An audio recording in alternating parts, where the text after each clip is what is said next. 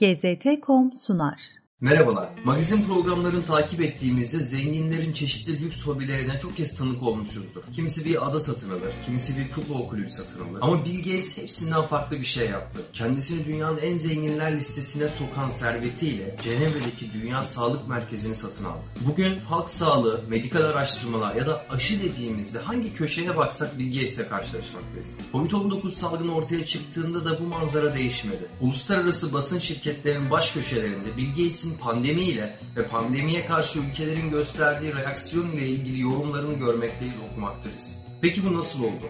Tıbbi bir eğitimi bulunmayan batılı milyarder bir oligark nasıl olduğu da pandemi sürecinin uzmanı oldu. Programların bu bölümünde bu soruya cevap arayacağız.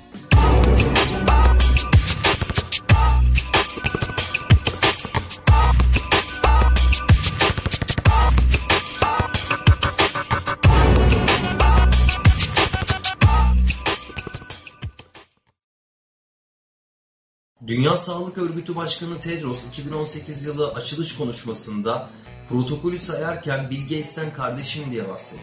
Gates dışındaki herkese, örneğin Dünya Sağlık Örgütü'nün favorisi olan Norveç Başbakanı Emma Solberg gibi herkese sadece değerli sıfatıyla saydı. Diyebilirsiniz ki o kadar parayı bana verse ben de kardeşim derim ama Gates ile Dünya Sağlık Örgütü arasındaki ilişki bunun çok daha ötesinde. Bill ve Melinda Gates Vakfı çoğu ülkenin toplam bütçesinden fazla bir bütçeyle dünyanın en zengin vakıflarından biri. Vakıf dünyadaki yoksulluğu, yetersiz beslenmeyi ve yetersiz sağlık hizmetlerini bitirme amacıyla çıktığı yolda özellikle iki alana çok büyük bir yatırım yaptı. Sağlık ve tarım.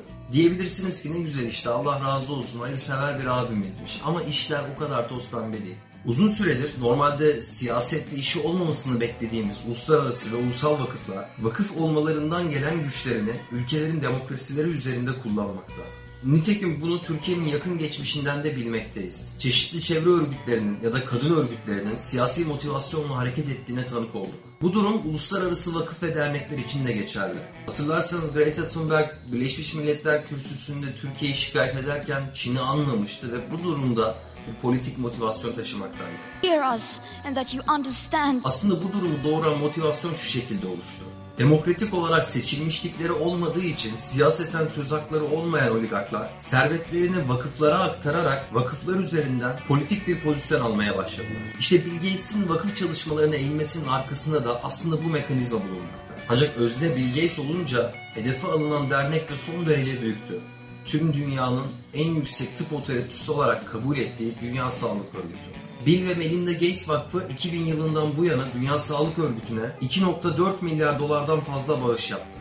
Özellikle 2008 krizi ardından devletlerin Dünya Sağlık Örgütü'ne ayırdığı fonu daraltmaya başlamasıyla Gates'in örgüte ödediği fon her geçen yıl oransal olarak büyüdü. Fonun oransal olarak artması ile Gates'in Dünya Sağlık Örgütü üzerindeki otoritesi de arttı. Dünya Sağlık Örgütü kendisine verilen fonları çeşitli projeler veya hastalıklar için ayırır. Bu ayırışta da bilim adamlarının tavsiyelerinden ve çalışmalarından yararlanarak hangi projeye ne kadar ayıracağını belirler. Ancak Dünya Sağlık Örgütü'nün fon dağılımında devletlerin payının azalıp vakıfların özellikle de Gates Vakfı'nın artması bu özgür çalışma ortamını ortadan kaldırdı. Olması gereken Dünya Sağlık Örgütü'nün belirlediği önceliklere Bill Gates'in fon yatırması iken Bill Gates'in öncelikleri Dünya Sağlık Örgütü'nün öncelikleri haline geldi. Ajans fakir ülkelerdeki sağlık hizmetlerini geliştirmeye odaklanmak yerine Gates'in talepleri doğrultusunda kaynaklarını orantısız bir şekilde ölçülebilir sonuçları daha yüksek olan hastalıklara ayırdı. Halk sağlığı konusunda hiçbir tecrübesi bulunmayan, hiçbir tıp eğitimi bulunmayan Bill Gates'in bu tutumu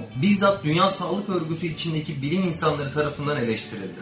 New York Times'ın 2008 yılında yayınladığı bir habere göre Dünya Sağlık Örgütü Sıtma Departmanı Başkanı Arata Kochi, Bill ve Melinda Gates Vakfı'nın sıtma araştırmaları üzerinde artan baskısının bilim adamları arasındaki görüş çeşitliliğini boğmasından ve sağlık kurumunun politika üretme işlevini yok etmesinden şikayet etti. Koçi'ye göre Gates Vakfı kendi politikaları doğrultusunda hareket eden bilim adamlarını destekleyerek zorlayıcı bir atmosfer oluşturmakta ve bilimsel araştırmaları esir almaktaydı. Daha anlaşılır bir dille açıklayacak olursak Gates Vakfı önce kendi politikaları doğrultusundaki projeleri belirliyor. Ardından Dünya Sağlık Örgütü'ne bağlı bilim adamları üzerinde baskı kurarak bu projelerin desteklenmesini sağlıyor ve DSÖ eliyle de bu projeleri hayata geçiriyor.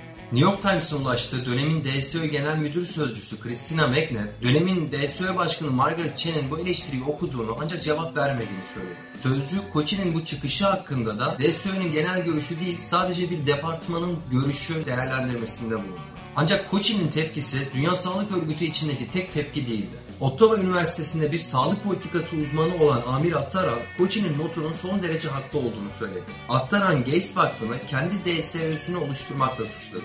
Tüm bu eleştiriler karşısında Dünya Sağlık Örgütü zaman zaman çeşitli düzenlemeler yapıyor gibi görünse de aslında tüm yaptığı gittikçe daha fazla Gates Vakfı'nın kontrolüne girmek oldu. Gates Vakfı'nı eleştiren bilim insanları ise zamanla Dünya Sağlık Örgütü'nden uzaklaştırıldı. Buraya kadar özetleyecek olursak, batılı bir oligark olan Bill Gates, tüm dünya ülkeleri üzerinde yaptırım gücü bulunan ve özgür bilim insanları ile işleyen Dünya Sağlık Örgütü'nü ele geçirip kendi fonladığı bilim insanlarının kendi sözcülüğünü yaptığı bir kuruma çevirdi. Zamanla DSÖ'nün başkan seçimlerine dahi karışmaya başlayan Gates, kendisiyle çalışmayan başkanları değiştirecek kadar büyük bir güce ulaştı. Ancak zaten para kaynağı olması sebebiyle bugüne kadar böyle bir şey de yaşanmadı. Gates çok uzun süredir şu an içinde bulunduğumuz pandemi süreci gibi hatta bundan daha kötüsünü öngören tahminlerde bulunmaktaydı. 2015 yılında yaptığı TED konuşmasında dünyayı bir sonraki salgına karşı uyarmıştı.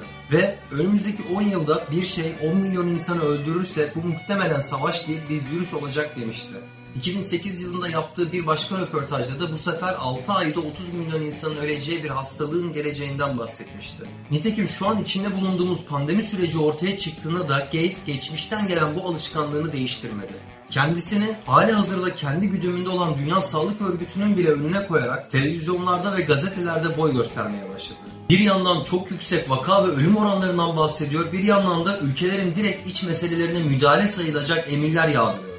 Bu konuda bir yetkisi olmamasına rağmen halk sağlığı uzmanı gibi pandemi yorumlayan Gates aynı zamanda aşı üretme ve geliştirme işiyle de uğraşıyor. Bu durum da tek başına bile ortaya ironik bir tablo çıkartıyor. Hastalıkla ilgili yorumlarda medyanın otorite gibi davrandığı bir figür aynı zamanda aşı üreticisi. Mayıs ayının başında yaptığı bir açıklamada 7 milyar doz aşı üretmeliyiz dedi. Gates'in bu gündemi herkese aşı satmaya çalışıyor gibi yorumlara dahi konu oldu. Bu yorumların doğruluk payı vardır ya da yoktur. Bunlar tartışılması gereken konular. Ancak kesin ve tehlikeli olan durum kendisini konumlandırdığı yer. Bugün insanlığın ve ülkelerin kaderini ilgilendiren çok ciddi bir sürecin içerisindeyiz. Uzmanları, bilim adamları ve işinin ehli insanları izlemek, dinlemek istiyoruz. Bilim üzerinde tahakküm kurmuş batılı bir oligarkın pandemi ile ilgili de geleceğimiz ile ilgili de görüşlerini merak etmiyoruz. Ben Murat Soydan. İzlediğiniz için teşekkür ederim. GZT.com sundu.